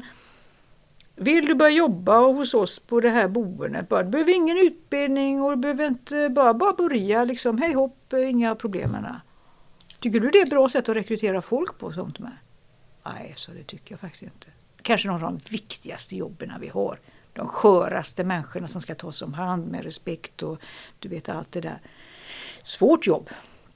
Tack Gud att det finns människor som, som orkar och vill göra det. Nej, jag sa så ska vi inte rekrytera dem. Jag tar den, sa jag. Den kan jag ändå ta till någon av de som jobbar med personalfrågor. Så jag kunde göra så gott jag kunde. Ja, tack, sa hon. Hon var inte arg. Trots att hon hade typ goda skäl till att känna sig enormt frustrerad över sakernas tillstånd. Sådana är folk. De är angelägna om att peka på det här är fel. Ser du det? Kan man göra på något annat sätt? Och jag hoppas verkligen det, tänkte jag. För den rekryteringsannonsen vill jag aldrig mer se. Alltså det, det föder, ett sånt samtal föder någonting på riktigt. Det är inte bara eh, spelteoretiskt och eh, opinionsmässigt och blapp, blapp, blapp. Man lär sig någonting. Jag glömmer aldrig det samtalet. Men hur många politiker i den ställningen som du var så, eh, som eh, kommunalrådsordförande skulle satsa gjort det där? Men gör inte, de, gör inte folk det ändå? Har man inte sådana här eh, Ja men du hade ju liksom en, varje fredag. Så ja, så, så, gott så jag, på... så gott jag kunde om jag inte liksom hade någonting annat. Nej, Nej det var du... hyggligt prioriterat ja. för mig. jag tyckte också att det var roligt. Jag tycker om... Man är olika också. Jag gillar att träffa och prata med folk, gärna sådana som är lite annorlunda än en annan. Och kanske tycker annorlunda än mig. Det ger en spänst, en sorts... Om man har lite magkänsla eller lite självförtroende och inte är för rädd för det så blir det ofta väldigt bra samtal, väldigt roligt och ja, givande. Mest ja, an, personer som man inte hade väntat sig liksom blir alla har något, du vet, älskansvärt eller hur man ska uttrycka sig över sig. Och det, det kommer ju inte till sin rätt i det där snabba, de snabba puckarna liksom. Inte när någon sticker in en mikrofon i näsan på en i alla fall. Det är sällan man det blir så, så bra alla gånger. Liksom. Det kan bli bra också men men har, jag menar de flesta politiker vill ju träffa människor. Det skulle jag ändå säga. De förtroendevalda. Jag tycker absolut att man kan, att man kan göra mer utav det som jag gjorde. Det tycker jag. Men ett ämne som man ju inte eh, kan runda när man eh, pratar med dig och inte vill runda heller. Det är ju hedersrelaterat våld. Mm. Som du har eh, jobbat med mycket. Mm. När öppnades ögonen för dig eh, när det gäller hedersrelaterat våld? Ja du, det var verkligen en, en ögonöppnare. Det var när jag, det var under 90, mitten på 90-talet. Jag lärde känna Nolin Pekul. Då hette hon Bakshi. Idag heter hon Pekul. Ehm, jag bodde ihop med henne när jag hade ett... Det började med att jag bodde hos henne när jag jobbade på Aftonbladet. Jag hade ett vikt där ett halvår, 94, på ledaravdelningen. Åh, roligt jobb det var! Ja, i alla fall så bodde jag hos henne på, eh, i Tensta då i, på veckorna och så åkte jag hem på helgerna. Och så ett halvår. Och sen så gjorde jag det inledningsvis när, när Mona Sahlin hade ringt och jag började jobba på regeringskansliet också tills jag flyttade till Stockholm då. Um, och då, det är ju så, sånt här kan inte jag. Sånt har ju inte vanliga typ svenskar någon erfarenhet, tack och lov. Ja, det finns patriarkalt våld och, och ynkedomar till män som spöar sina kvinnor, absolut. Det är inget snack om saken. Men det här är inte samma sak. Det här är sanktionerat av familjen, av släkten. Det innebär också att kvinnor är, eh, vad ska man säga, förövare i den meningen. Och unga, unga män kan också bli offer, så att säga. Kan också råka ut för det hedersrelaterade, både våldet och ibland tyvärr döden eh, för den delen. Jag kommer ihåg en natt jag satt med Nalin i hennes kök och hon beskrev liksom det där systemet och jag helt plötsligt, men vad fan menar du så att vi har, alltså vi är en rättsstat. Vi, hon är också SSU-are du vet, hon hade samma vi hade ju ändå varit ungdomsförbundare och nu var vi typ sossar och så här. Hon skulle sedermera, då jobbade hon som sjuksköterska i Tensta, eller i Rinkeby var hon tror jag. Så skulle hon bli riksdagsledamot sen. It's that time of the year. Your vacation is coming up. You can already hear the beach waves, feel the warm breeze, relax, and think about work. You really, really want it all to work out while you're away. Monday.com gives you and the team that peace of mind. When all work is on one platform and everyone's in sync, things just flow wherever you are. Tap the banner to go to Monday.com. Many of us have those stubborn pounds that seem impossible to lose, no matter how good we eat or how hard we work out. My solution is PlushCare. PlushCare is a leading telehealth provider with doctors who are there for you day and night to partner with you in your weight loss journey. They can prescribe FDA-approved weight loss medications like Wagovi and Zepbound for those who qualify. Plus, they accept most insurance plans. To get started, visit plushcare.com slash weight loss. That's plushcare.com slash weight loss. Cool fact a crocodile can't stick out its tongue. Also, you can get health insurance for a month or just under a year in some states. United Healthcare short term insurance plans, underwritten by Golden Rule Insurance Company, offer flexible, budget friendly coverage for you. Learn more at uh1.com. Nej, rättsstaten sån, nej, men det gäller inte de här. Sitter han inte, alltså, ja du vet han som slängde sin fru från balkongen. Men herregud, då måste han ju ha åkt in. Nej, så.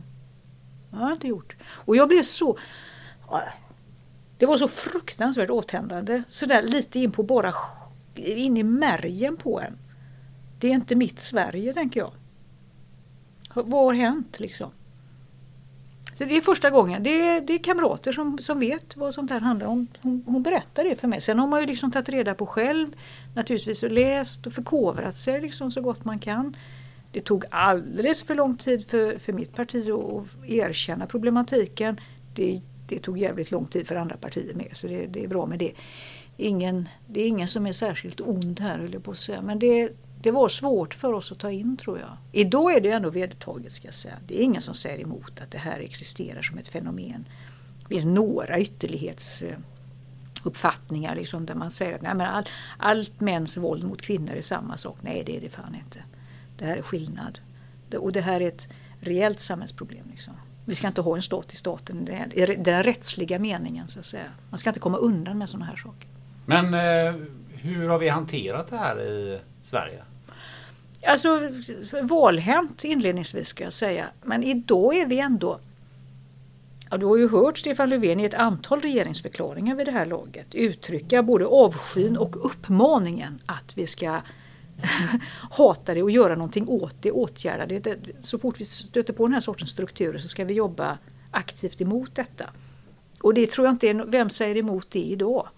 Det är det nästan ingen som gör. Men det tog det tog väldigt lång tid och det är många som har betalat ett högt pris. Och jag tänker så här att det, det finns någonting obehagligt i att vi har, har när vi inte har vågat ta i, när, när, när, unga flickor har vågat berätta för skolkuratorn eller någonting sånt där tidigare då. Och, och vi bara, ja men det kanske är deras kultur eller de man får ha respekt för att det är olika, det är bla bla bla. De är fan också göteborgare de tjejerna. De är också medborgare hos oss. Vi ska inte överse om de blir illa behandlade. Vi skulle aldrig gjort det om det vore en vanlig svensk kontext. Alltså liksom det, det, det, det här eh, där det inte fanns det här hedersrelaterade kulturella trycket. Vi skulle aldrig accepterat en sån sak. Då skulle vi ju anmält. Och tagit tjejen, liksom, skyddat henne. Fokus på, ja, på att skydda individen. Men vi har varit släpphänta i någon sorts allmän sån här feghet. Jag, när jag intervjuade Sara Mohammed om, ja. om det här mm. som ju är, den som har grundat eh, GAP, mm. GAP eh, så glöm aldrig eh, Pela Fadime. Mm. Eh, så sa hon så här att eh, ja, man har lyssnat till organisationer ja. men inte till individen. Mm. Ligger det någonting i det? Ja, och så har man liksom på lite, hur ska jag säga, svenskt folkrörelsemanér när det kommer en organisation eller en förening och säger vi är eh, företrädare alla de här. Jaha, välkommen säger vi. Varsågod in. Här får ni lite kommunala bidrag också. och sen så tror vi att det de säger, då företräder de helt plötsligt alla möjliga. Det gör de inte. Det kan lika gärna vara en liten sekt för tusan. Det kan vara Knutbypastorn som säger ja, vi företräder alla kristna i hela Sverige. Det gör de inte. Det vet ju du och jag. Men när det kommer till andra organisationer så har Sara Mohammed rätt. Då har vi sagt att ja visst, absolut, vi tror på er. Man ska inte vara så godtrogen. Absolut inte, för den, det är ju inte vi som betalar priset. Det är de här unga tjejerna och ibland unga männen också som betalar priset för den fega attityden. Men du sa så här att, att det är skillnad nu men eh, ändå så har du också sagt att eh, för, för två år sedan i, i valet Ja att du blev tillsagd att prata inte så mycket om det där. när jag blev tillsagd att tona ner det. Men det handlar ju också om det här med dåligt sällskap antagligen. Alltså i en valrörelse, nu handlar det här om att avsätta mig om helt andra saker. Maktkamp är aldrig snyggt. Skit i det. Det fanns olika inslag i det.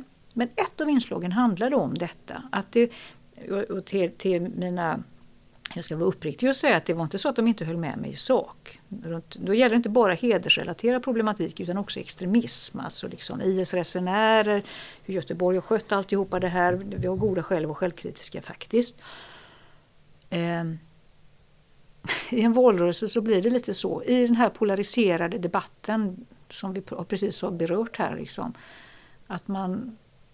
Jo, vi håller med dig i sak Soffa, men kan du inte prata mindre om det? Tona ner det. Prata om mer sossegrejer, typ vård, skola, omsorg.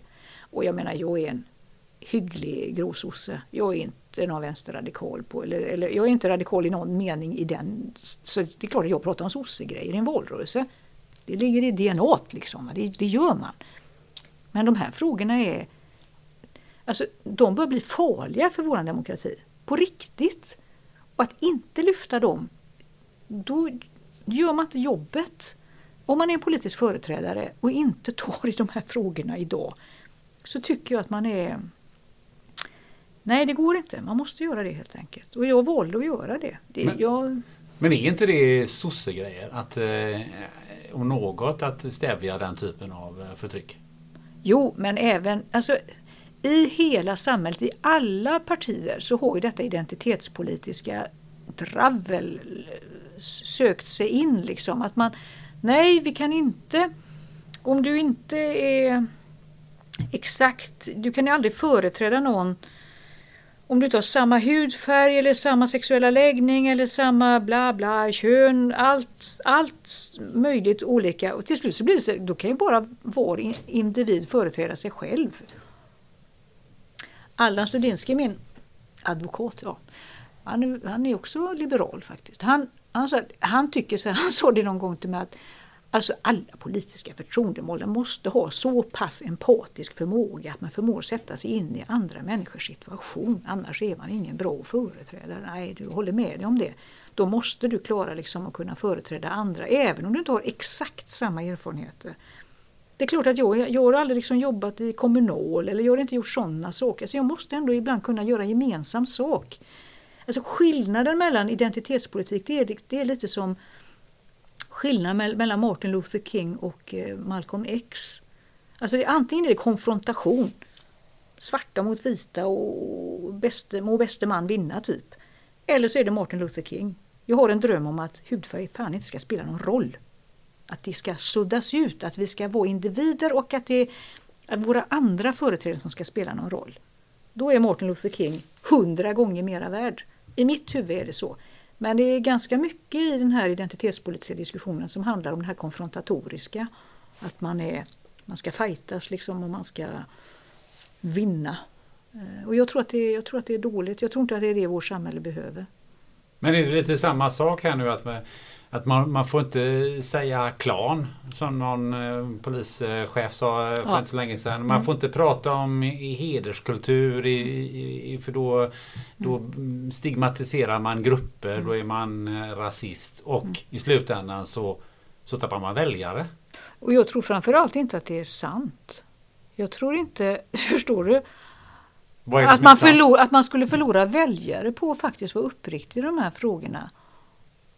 Det är så en, en annan person, Eli Gönderen, han det vid något, i, i den här rättegången som jag var föremål för.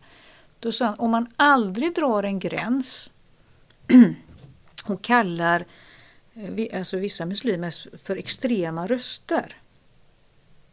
Så blir, om man inte drar den gränsen någonstans, då blir alla muslimer extrema röster. Alltså då är alla terrorister helt plötsligt. Och så är det ju inte.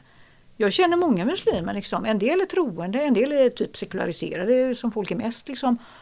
De vill inte bli förknippade med de här organisationerna som säger ja, säger sig företräda liksom den stora muslimska liksom, kommuniteten i Sverige. Liksom.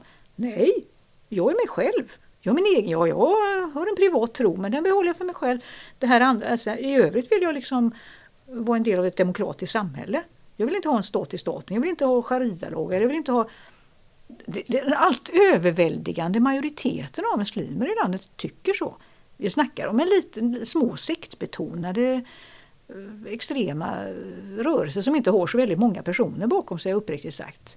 För det, det intressanta är ju just att... Lyssna att inte på det, dem säger jag. Ja men att det är många som kommer ur från, mm. från så att säga den eh, muslimer som ju faktiskt mm. själva säger vi vill inte ha det här. Nej. Det är och, de som säger ifrån. Ja, men det, och jag menar det liksom att om man skulle översätta det med någon sorts kristen, liksom att det, att det skulle vara lite som att Ja, som att Helge Fossmo eller Kristi brud sa att nej, vi företräder alla kristna i Sverige. Man bara, nej, det gör ni inte. Ni är ju en sekt. Vi skulle, nej, ni kan inte företräda oss. Ni får, ni får hålla på, eller ja, de borde inte få hålla på hålla på sig överhuvudtaget. Men det, det går inte. Men det, vi har varit blinda för det där när det kommer till, alltså för att det, det, då, ja, då kan det tolkas som rasism eller islamofobi eller du vet eller någonting sånt där. Men det, det är inga normala muslimer som tycker det är islamofobi. Inte de jag känner. De tycker att det är bra att man reagerar mot det och jag menar de är ju de, är de som betalar priset. De blir nog så hotade liksom, va, när de själva protesterar och reagerar. så att säga. Liksom, va. Det, nej, alla... Man måste hålla sig till medborgarbegreppet. Alltså det är som eh, en polis jag känner brukar säga liksom att vi har religionsfrihet. Bibeln, Koranen, alla liksom, det är viktigt. Men över dessa böcker så står den blåa lagboken, Svea rikes lag. Det är överordnat. Man håller sig till lagen. Man behandlar, behandlas som individ. Man är en del i rättsstaten. Man skipar inte rättvisa genom att slänga någon från balkongen. Man håller inte på med sådana grejer utan man liksom hanterar det ja, som normala ja, normal kriminalitet. För det är vi väl tillbaka lite grann igen det här att eh, om man inte vågar säga det du, du mm. säger nu mm. så, så har man ju också eh, gett bort en röst till ett parti som man kanske inte vill ska få den rösten. Ja. Alltså på något sätt. Jo, jo, jo men så är det ju. Det är tråkigt. Och då är jag angelägen om, för jag, jag tror att det är många inom mitt parti som faktiskt tycker så här. Men vi är fast i en jädra dramaturgisk eh, agenda, höll på att säga, vad heter det, alla partiledardebatter spel på något sätt. Det är svårt att slita sig loss ur det där och våga säga, nej men vad fan det här är ju... Ta en sån som Boel Godner i Södertälje. Hon är cool. Hon, hon, de, hon, är, hon är kommunstyrelsens ordförande, sosse. Kommunstyrelsens ordförande i Södertälje. Hon så jävla roligt uttryck. Alla, när alla är så här hippa liksom, och ska prata om think outside the box och liksom sån här mode, så brukar Boel säga nej jag tycker vi ska tänka think inside the box istället. vi gör sånt som vi vet är problematiskt och så tar vi tag, alltså vi, vi, analyserar det och så tar vi tag i det vi vet. Vi håller inte på och flamsar om massa annat. Men de, fick ju ta bort LOVen till exempel. Nu tycker jag att lagen om valfrihet fungerar i många samhällen. Men i Södertälje, det, det är liksom att välja typ hemtjänst och sånt, att släppa in den fria marknaden istället för att det är kommunen som, ja, som, mm. som är den offentliga ja, utföraren. Eller vad man ska säga. Det funkar säkert på många ställen men i Södertälje funkar det inte. Det blev katastrof när alla kriminella jädra organisationer togs in och det, de tog bort det. Och sen har de jobbat jättebra så vet jag kan bedöma det mot eh, kriminell, kriminell eh, eh, kriminalitet och mot välfärdsfusket. Att man helt enkelt olika myndigheter, organisationer, polis, kommun så bara nej, nu måste vi göra någonting åt det. fuskas bort skattemedel här. Då tar vi tag i det. Det röner bara uppskattning och respekt liksom i de breda folklagren. Och jag tror, det här är rent krasst. Jag tror man skulle få mer röster om man vågar vara öppen med det här. Se vad problemen är. Det handlar inte om i den meningen om eh, muslimer eller liksom människor med utländsk bakgrund. Det handlar om kriminalitet, det handlar om klassfrågor i väldigt stor utsträckning. Hon är cool. Eh, eh, Södertälje har i mångt och mycket är någonting på spåren där. Att våga prata om det som verkligen är problemet. Inte hålla sig till någon sorts allmänna floskler liksom om vad som är giltigt för tillfället. Och jag Nej, jag tror att Jag tror att svensk debatt skulle må mycket bättre om vi vågade prata öppet om det här faktiskt. Och vi ska inte alls vara rädda för det. Jag är, verkligen ingen, det kan man ju tycka är konstigt med tanke på hur resultatet blev att jag avsattes och fick gå under buller och bång. Men jag är ingen konfliktbenägen person. Jag tycker heller inte det är kul att bråka med folk. Jag tycker gärna om att hålla sams och det är ingen, det är ingen mysfaktor överhuvudtaget. Men det är fan inte värt att hålla tyst. Alltså om det är så att man inte kan säga, Eh, pekar på allvarliga samhällsproblem. Så, alltså så feg får man inte vara. Hur ser du på det? Nu, jag tänkte komma in lite på det. För du blev ju eh, kommunstyrelsens ordförande 2016.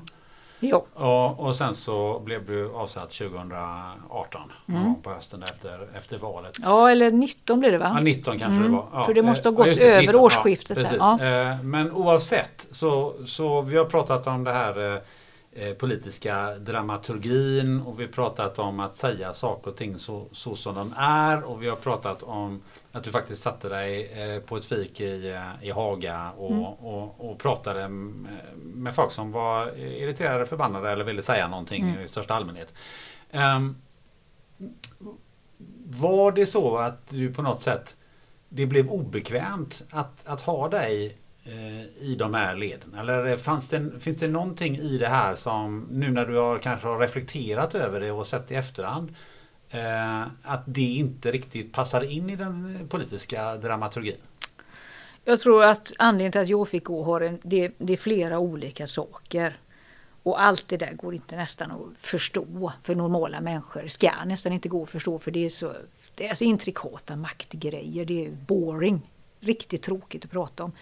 och tråkigt för vilken politiker som helst. Men jag tror kanske liksom att delar av det handlade om detta att jag inte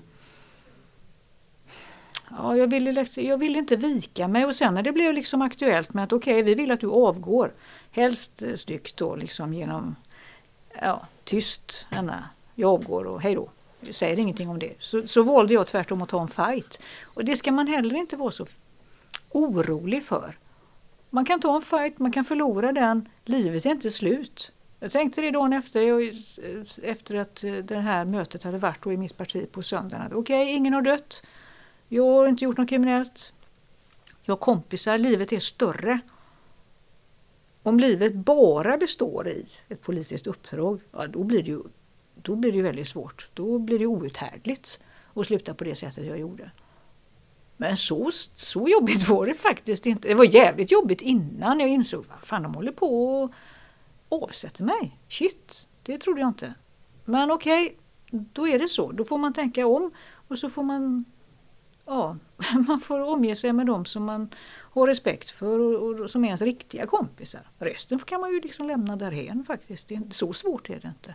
Eller hade det sett annorlunda ut om du inte hade varit så eh, frispråkig eller sagt som det är? Eller vad, vad, vad, tror du? Det vet jag faktiskt inte. Det, det är svårare att svara på.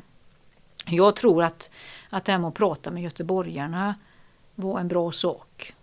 Alltså våra siffror var ju på väg rätt ner i backen. Vi räddade upp det hyggligt i valet men jag menar valresultatet var ju heller inget att skriva hem om. Det var för dåligt för ett socialdemokratiskt parti i Göteborg, absolut. Det kunde ha blivit sämre, ska jag säga. Liksom. Men, men som sagt var, det fanns ju, menar, i den meningen formella argument för att, eh, för att avsätta en, en, eh, en grupp, gruppledare för Socialdemokraterna. Men ja, jag vet inte. Det är svårt. Svårt att svara på den frågan. Jag tror att eh, de som ville någonting annat än det jag ville, de vann helt enkelt. Och det är bara att gilla läget då. Det är så det ser ut. Men jag tycker inte att det är fel att ta en fight. Och sen när jag står upp, jag tycker så här. Jag viker inte ner mig och försvinner ut med svansen mellan benen liksom och är tyst och stilla till partiets... Så, så det behöver inte vara så dåligt att ta en fight. Faktiskt. Men sen så, så um, bytte ju du jobb totalt. Mm. Då var det till när vi började jo, jo. i, i uh, renhållningsarbetariet och sådär. Men det är ju ett oerhört um, vad ska man säga, eh, opretentiöst och eh, ett steg som är som, som ju många andra inte hade gjort. Det, det handlar ju både om lön, det handlar om pres, alltså prestige eh, eh, och, och, och, så vidare. Alltså det finns ju många som hade blivit, ja, man hade vet i dina kläder kanske blivit lobbyist eller, eh, eller, eller eh, något annan sorts eh, ledare eller stannat kvar inom politiken någon annanstans eller, eller vad vet jag. Men, men du tog liksom klivet rätt in i en, mer eller mindre, rätt in i en, i en lastbil på Renova. Mm. Eh, du kanske, du, det jag känns tror... som att du tycker att ja, men det var helt naturligt. Men utifrån ja, så måste jag ju säga så att det, det var ju svinhäftigt. Alltså det är ju inte precis så liksom att jag hade sådär, alltså det, jobb i politiken fanns det ju inte riktigt något utrymme för. Det här är en förtroendebransch. Har man inget förtroende, det hade inte jag, det var övertydligt.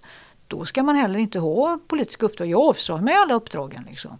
Eh, nogsamt då. Eh, så att, och sen tog, hade jag trots allt nio månaders ersättning. Jag tog den tiden och funderade på vad fan ska jag göra nu då? Eh, jag, hade, jag är, tror inte jag hade blivit någon bra lobbyist heller. Jag är inte bra på sådana grejer. Liksom. Oh, oh, svårt verkar det. Eh, och så har jag ett C-kort sen förr. Eh, som jag aldrig har typ jobbat med. Men jag har ett C-kort, alltså tung lastbil. Tänkte, fan. Jag satt på en del i Håga så kör Renovas bil förbi, så är det sån här reklam. Sök sommarjobb hos oss. Renova. Fan, jag har C-kort. Jag ringer Renova. Och så sa de på HR-avdelningen, har du YKB? Nej, vad fan är det, så jag. Ja, det är yrkeskompetensbevis. Det har riksdagen i all sin visdom beslutat 2009 att man måste ha för att kunna köra trafik. Annars kan du typ bara köra flyttlastbilen åt dig själv eller någonting. Men du får inte liksom... Jag kan inte söka jobb här om du inte har det. Ja, Okej, okay, då köpte jag, gick jag en sån kurs. Köpte den. Så, eh, ja, så tog jag det. Och så hade jag YKB och sen så sökte jag jobb igen och sen sa ja vi har inga jobb just nu. Och sen så ringde de och sa, nej men vi kanske har ett jobb i centrum. Köra bocklastare och eh, hämta ja, avfall. Då. I, då är man två i bilen och jag tänkte, ja det låter bra. För då hade jag tittat på lite andra lastbilsjobb också. Liksom. Man bara, åh, köra på kontinenten, köra långa sträckor. Åh gud, det orkar jag inte med för gammal tänkte jag. Det här låter jobbigt. Nej, sitta ihop med någon som man kan lära sig av och så, det låter bra. Så jag, ja, så då hoppade jag på det och så fick jag jobb här. Jag började här i januari. Men det, ja, jag vet inte, det ena gav det andra. Jag, jag vet inte vad jag skulle tagit för ett annat jobb riktigt. Ja, men jag menar, det är många gånger politiker som har den typen av erfarenhet som du har. Du, Eh, du hade säkert, inte vet jag, men kunna få jobb i någon, någon företag eller något statligt verk kanske. Eller eh, någon, alltså det finns ju många, statligt bolag. Eh, alltså det finns ju många, den typen av jobb. Som, alltså om man tittar på att många politiker som du är ju inte den enda som har, som har avgått oavsett mm. buller eller bång mm. eller mm. vad det nu är för någonting. Nej, nej. Så brukar de ju hamna någonstans där. Eller som, ja, det, jag bara såg inga riktiga, jag, jag såg Kanske inte kände för? Nej. Och just då var det också rätt så man bara efter tre år, man bara liksom hej hopp, man får lov att stänga av ljudet på telefonen när man går och lägger sig på kvällen. Det gör inget att ta ett annat jobb ett tag. Alltså det kanske jag ska, jag kanske ska jobba med det här för evigt men det är verkligen inget dåligt jobb. Det Nej, man blir inte miljonär, det kan man ju fan med säga. Men, eh, och då ska, en sak är ju en annan som är oerfaren med det här. Ju folk jobbat 40 år i branschen och slår i taket på 32 papp. Alltså det är klart att det, löneutvecklingen är som den är.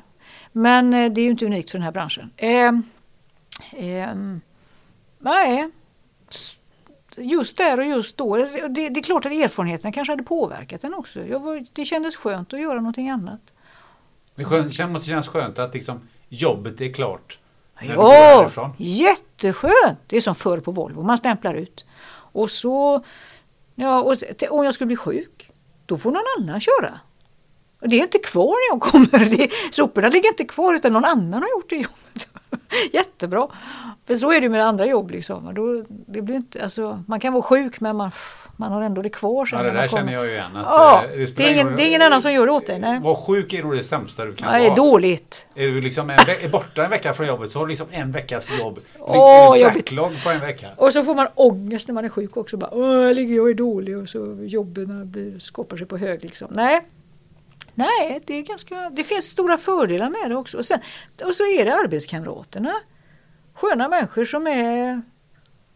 Alltså roligaste ever kommentaren det är ju Zäta när han säger när jag hade varit, när jag kommer tillbaka den här rättegången för de här eh, förtalsrättegången så hade jag varit borta i två dagar då. Då hade inte domen fallit än för den kom inte förrän 14 dagar senare. Jag kom tillbaka till jobbet.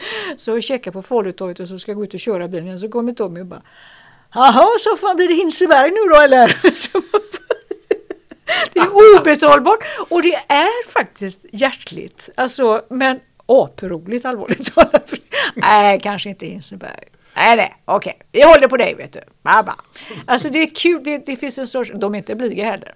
Här finns det ju mycket politiska synpunkter Det det. På, på socialdemokratin och på, på annat också, på, på politiska uppfattningar. Ja, nej, men folk är ganska frispråkiga. Diskuterar man mycket politik med dig eh, här? Bara för att man vet att, var du kommer ifrån? Också, tror jag. Ja, Sen tror jag också att folk fattar att man ibland kan man bara vara en vanlig arbetskamrat som man behöver prata, sitta och käka lunch med. Liksom. Att man inte alltid är politiker. Så att säga. Men visst, det dyker upp frågor. Och ditt och datt. Både om situationen i Göteborg och om allt möjligt. Och det är ju bara att... Märker du någon skillnad på, för nu är du liksom tillbaka på det så kallade golvet eller vad vi kallar det för att jobba med, med, eh, med de här gubbarna. Mm. eh, Det finns några kvinnor med, ska Ja, ja, ärlighetens det är- namn ja, också. just det, Ja, precis. ja. Men det, ja, precis Det är mansdominerat jobb. Ja, det är ett mansdominerat jobb. Eh, men jag tänker på sen den tiden du jobbade på Volvo och Mm. körde truck. Märker du, finns det liksom någon, någon, någon skillnad? Det är klart det är skillnad på jobb, det är inte så Mm. jag menar, men, men skillnad på attityd eller hur, hur man upplever ehm, att, jobb, att vara arbetare idag jämfört med på den tiden? Finns det någon, kan man dra några slutsatser där? Faktum är att det är mer jämställt idag. Även om vi är en mansdominerad bransch här liksom. Så är det attityden är bättre än vad den var på 80-talet. Så tycker jag. Det har Det hänt. Det har det hänt. Ja, det är bra. Det har hänt något. Och jag menar nu, det, visst det finns ju säkert folk som mellan skol och vägg säger någonting helt annat. Men nej, jag tycker faktiskt att det finns en attityd som är, som är bättre idag.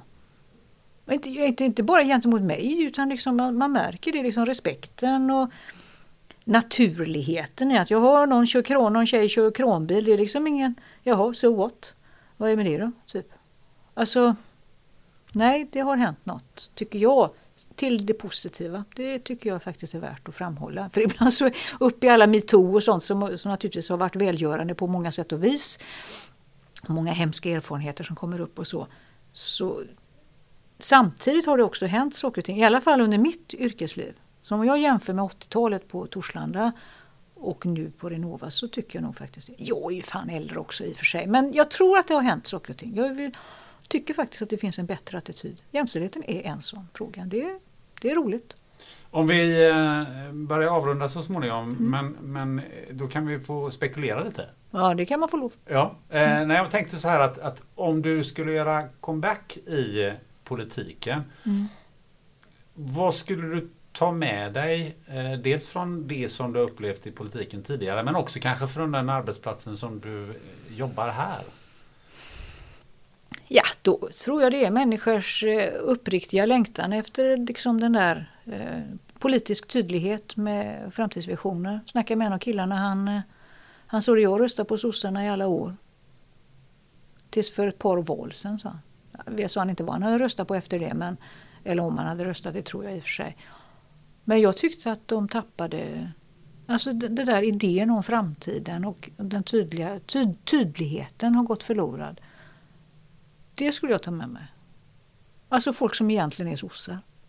Som har lämnat oss för någonting annat som är, är oklart vad då.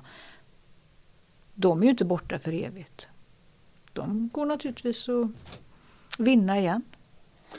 Om vi slutligen skulle, om du skulle vilja dela med dig av lite tips Mm. eh, till någon som funderar på eh, ska jag ge mig in i politiken? Politiken. Mm. Oavsett parti nu. Har du några sådana här fem hållfasta tips? Tänk på de här grejerna. Mm.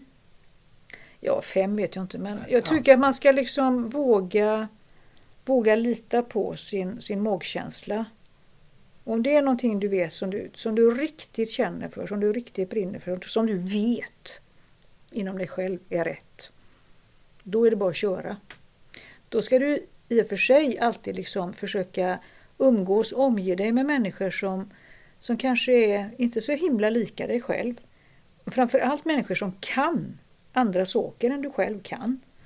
Ehm, och till och med att du, att du klarar av att de är bättre än dig i vissa avseenden. Liksom. För bara så kan du själv bli bättre. Sämsta läget är liksom när du omger dig med folk som tycker exakt likadant. Eller som ännu värre klappar dig i ryggen liksom, när du faktiskt skulle behöva en Nej, det där blir inte så bra. Typ. Liksom. Det är liksom de viktigaste liksom, man har. Men i övrigt är det ju liksom Nej, fan. Man ska liksom man ska eh, vara, vara frimodig liksom och prata om det som faktiskt eh, engagerar en. Och våga lita på att det bär. Var inte orolig för liksom att,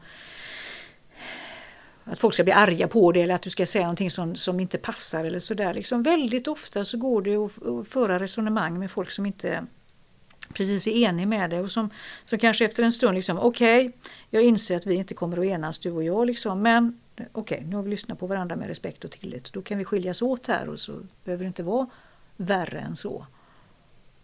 Sen så måste man också ha riktigt, riktigt goda vänner liksom. Som, som hjälper dig, liksom, som bär dig liksom, när, det är, när det är kris och katastrof också. Liksom. Tuffare är du aldrig. Liksom. En, ensam är inte stark. Men däremot, ja, faktiskt eh, var lite med sådana som inte är precis som du själv. Det gör dig gott. Det stärker dig och du, du blir klokare. Och jag tror en bättre politisk företrädare också. Bra slutord. Okay, Tycker tack. jag. Eh, du, eh, det är mer allmänmänskligt egentligen än politiskt ja, det, det, här faktiskt. Ja. Ja, mm. Fast det, det ena utesluter inte det andra. Ja. Absolut inte. Mm. Men du, eh, reflektioner kring eh, våran lilla pratstund? Denna? Ja. Mm, ja, avslappnande, avkopplande, roligt. Det är alltid kul att liksom prata och försöka tänja lite på vissa saker. Man tycker ju liksom alla möjliga olika saker liksom, men man, ibland behöver man få en fråga från ett annat perspektiv. Då blir det roligt på ett annat sätt. Och, ja, man har ju inga talepunkter. Det är ju lite fördelen med den här sortens samtal. Utan man kan få lov att, okej, okay, så kan man tänka eller det här tänker jag, eller ställa om frågan för nu har jag tappat bort. Men alltså det är lite så, det är så ett samtal ska vara. När det är som bäst liksom. Det ska, du ska lära dig någonting. Du, um, vem tycker du eh, jag ska intervjua i den här podden? Då tycker du ska intervjua Per Brinkemo som har skrivit mycket och talat väldigt mycket klokt kring det här med klan och klansystem i Sverige. Och som är författare till en antologi ihop med Johan Lundberg som heter Klanen. Det, det, det olika författare har skrivit om den här relationen mellan stat och klan. Det i det, här, I det här samhällsklimatet som vi har just nu så är han en, en klok, klok röst. En bildande röst. Intressant tips. Mm. Eh, du, om man vill följa dig eller kolla in dig någonstans. Vi, vi sa ju att du finns på Twitter mm. där du berättar om dina arbetskamrater. Ja, mycket. Eh, mycket. Mm. mm. Var finns det någon mer någonstans man kan eh, följa dig? Det är bara på Facebook och så. Och där är jag dessutom, usch, jag måste ju byta. Åh, det står att jag jobbar på Europaparlamentet. Någonting sånt. Jag är så kass på att byta. Men skit i det. Eh, nej, det är Facebook och Twitter. Jag skriver i GP. Skriver krönikor där. Det är ett jätteroligt uppdrag. Ska skriva en som går på lördag tror jag faktiskt. Ja. Mm. ja, alltså ja, det är väl ungefär så det ser ut nu för tiden. I övrigt har jag ju inga andra kanaler liksom. Det, eh, det var då. Mm. Det räcker. ja. Ann-Sofie Soffan Hermansson, tack för ett eh, spännande möte. Tack så mycket själv.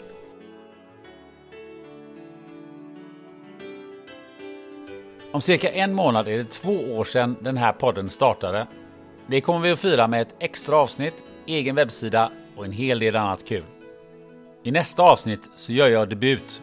Det blir mitt första samtal med en skådespelare, ett område som inte direkt är min home turf. Gäst är Lotten Ros som har huvudrollen i SVTs kommande miniserie Jakten på en mördare. Till dess vet du exakt vad du gör. Just det, du gröper ut en jättelik pumpa, skär ut ögon och mun och trycker ner den över huvudet. Sen går du ut och skrämmer alla grannbarn. Sätt en andningsmask på pumpan så ser du extra hemsk ut. Bu! På dig och ha det gött!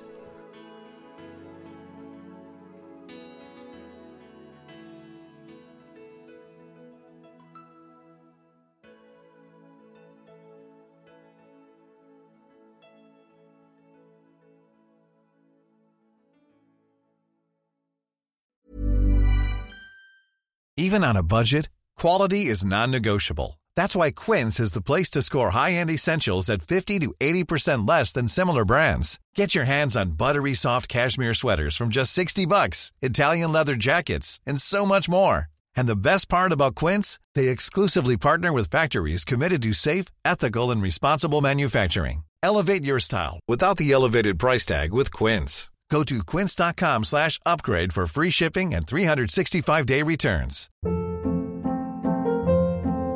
Hold up. What was that? Boring. No flavor. That was as bad as those leftovers you ate all week. Kiki Palmer here, and it's time to say hello to something fresh and guilt-free. Hello Fresh. Jazz up dinner with pecan-crusted chicken or garlic butter shrimp scampi. Now that's music to my mouth. Hello Fresh. Let's get this dinner party started. Discover all the delicious possibilities at hellofresh.com.